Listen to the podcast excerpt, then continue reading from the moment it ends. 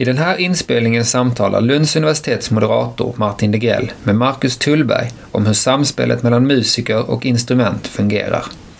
Då har klockan blivit två och vi hälsar välkomna till Lunds universitets monter här på Bokmässan.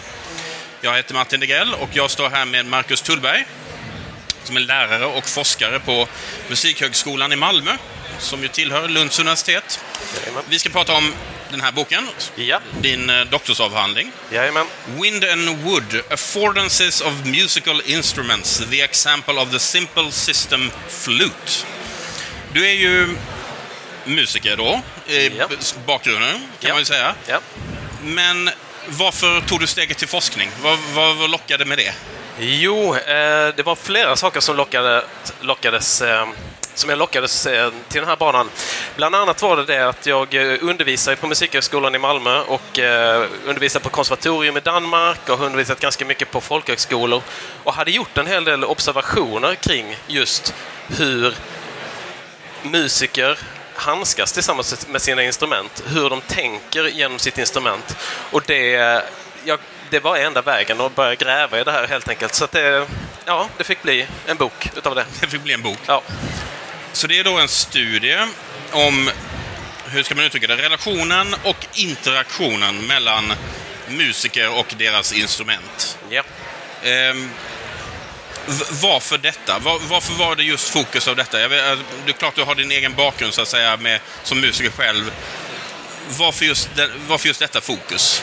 Ja, man kan säga att det finns eh, kanske två, två spår kan man säga. Det ena var precis det som jag nämnde innan, att det var studenter, elever som var i 20-årsåldern och uppåt. Det betyder att de hade spelat mycket, i vissa fall väldigt mycket, eh, innan, innan jag fick stora nöjet att undervisa dem. Och eh, då när vi jobbade då under lektionstid så gör man ju olika saker då. Man lär sig repertoar, man, eh, jag håller på med folkmusik, man jobbar med stämmor, kanske improvisation.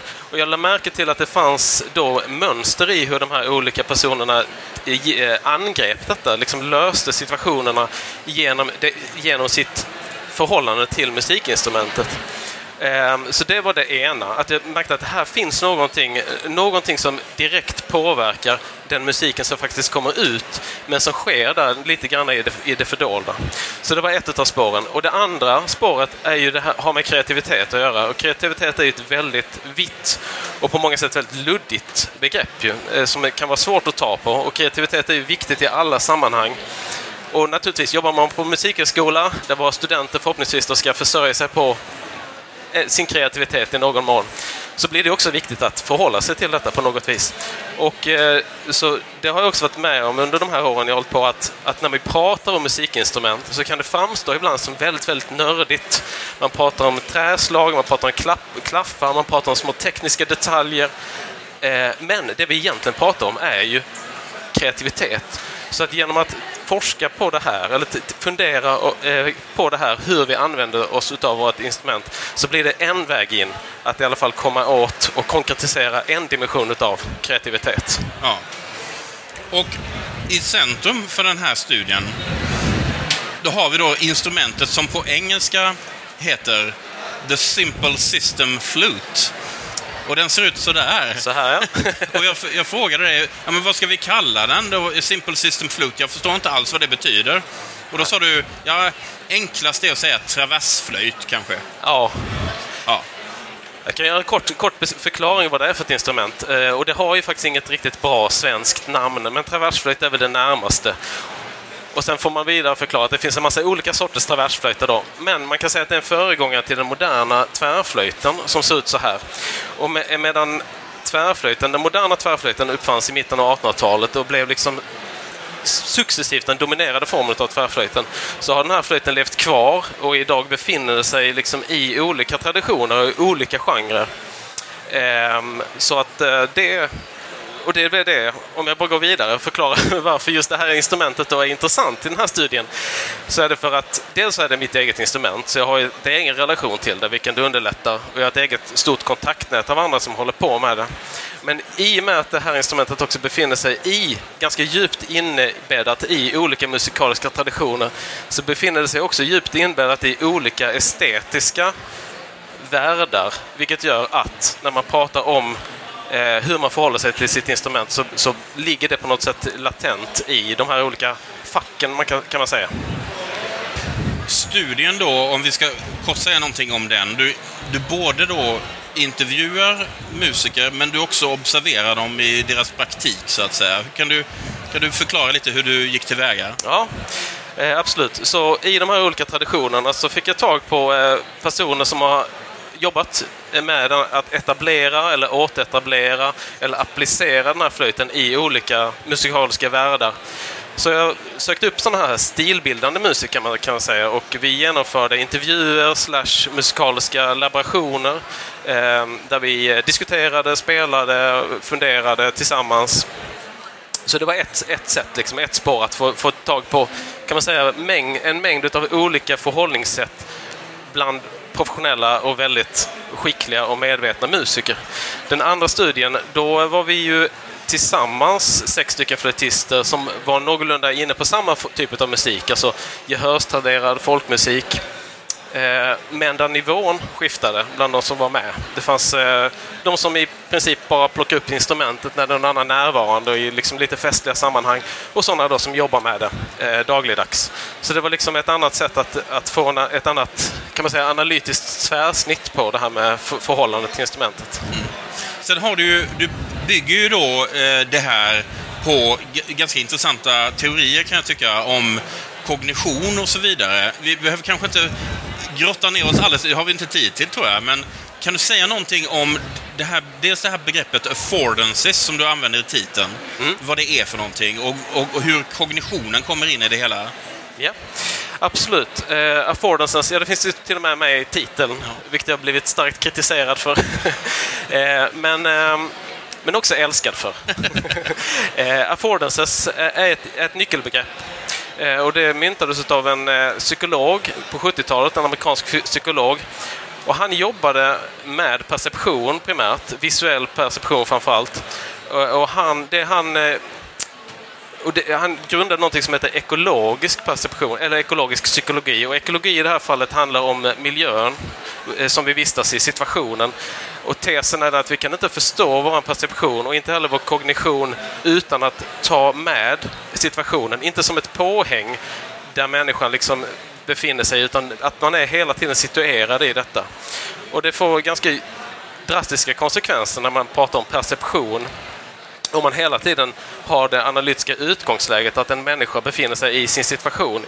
Och det var en reaktion mot eh, andra skolor av psykologi som är mer byggda kring experiment och i laboratorier och så. Ehm, så att, och i detta då så, så är affordances handlar om meningsmöjlighet eller meningserbjudande säger man ibland på svenska, eller affordanser kan man säga. Och det handlar om, om eh, det här att vi, vi, vi, vi varse blir inte objekten i form av liksom en fysisk eh, objektiv enhet utan vi varse blir eh, allting i termer av meningsfullhet, i termer av att vi, vi vill göra någonting. Är jag törstig så kommer jag ha ett visst förhållande till, till den här flaskan. Det står mitt namn på flaskan. Det är också att jag har ett visst förhållande till den. Ett annat förhållande än vad du har. Du kanske inte är törstig. Jag kanske är törstig. Skulle jag vara jättetörstig skulle jag se den i mina ögonvrå.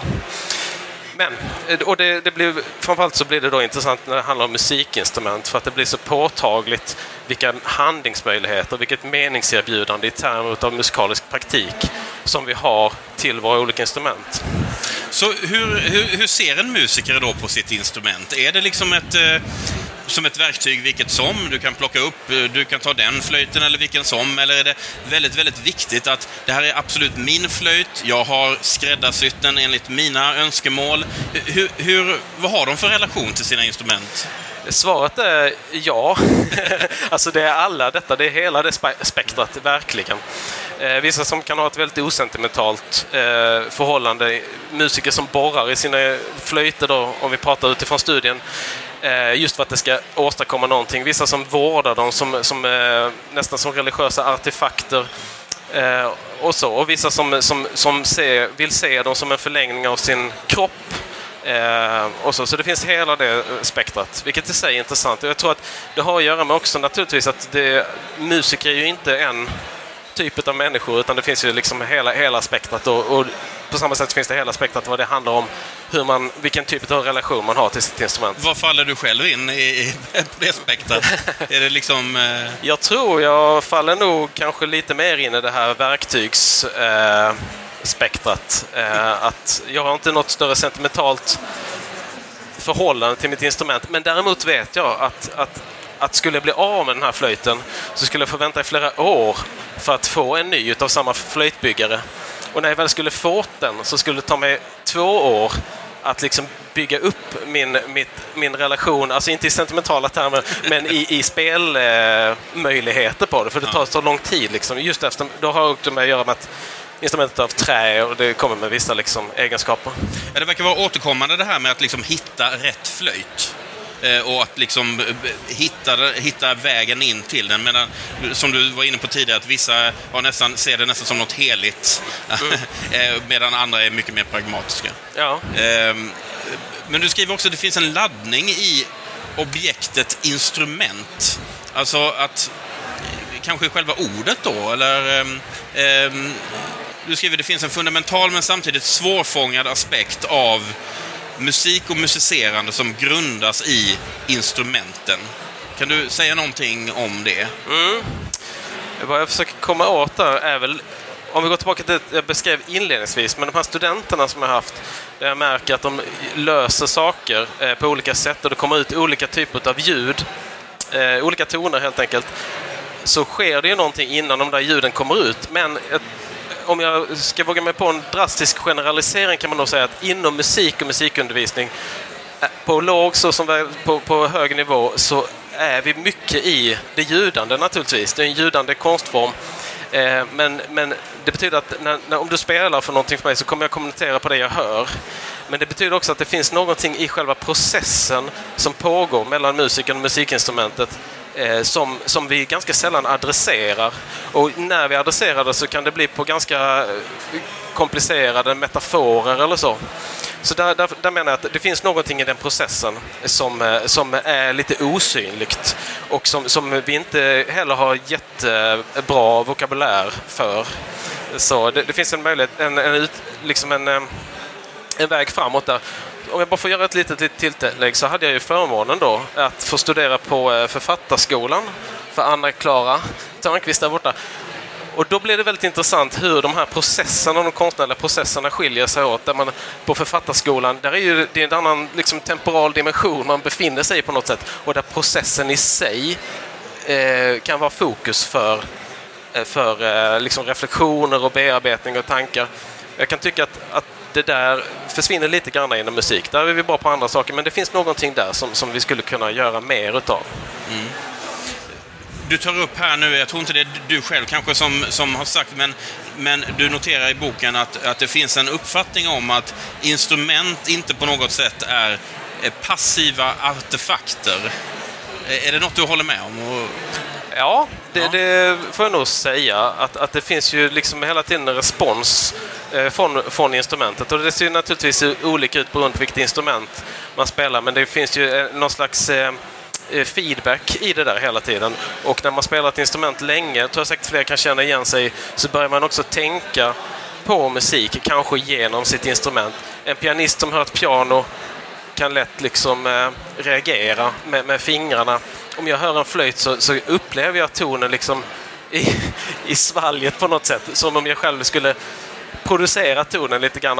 Eh, och, och, det där blir ju mer och mer integrerat ju mer man håller på. Och på det sättet så, så är inte instrumenten bara liksom en, en, en output maskin som, som förmedlar det som man tänker eller hör inom sig, utan det finns hela tiden en växelverkan där. Eh, avslutningsvis, du, vi sa inledningsvis att du, du är lärare också såklart.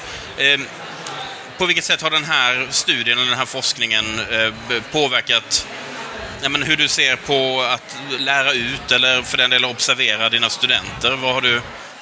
Det har lett till en större och större nyfikenhet på vad de har med sig eh, när de kommer. Eh, om, man, om, man, tänker att musikundervisning kan på ett sätt se ut som en ganska linjär progression och kan vara så i vissa fall.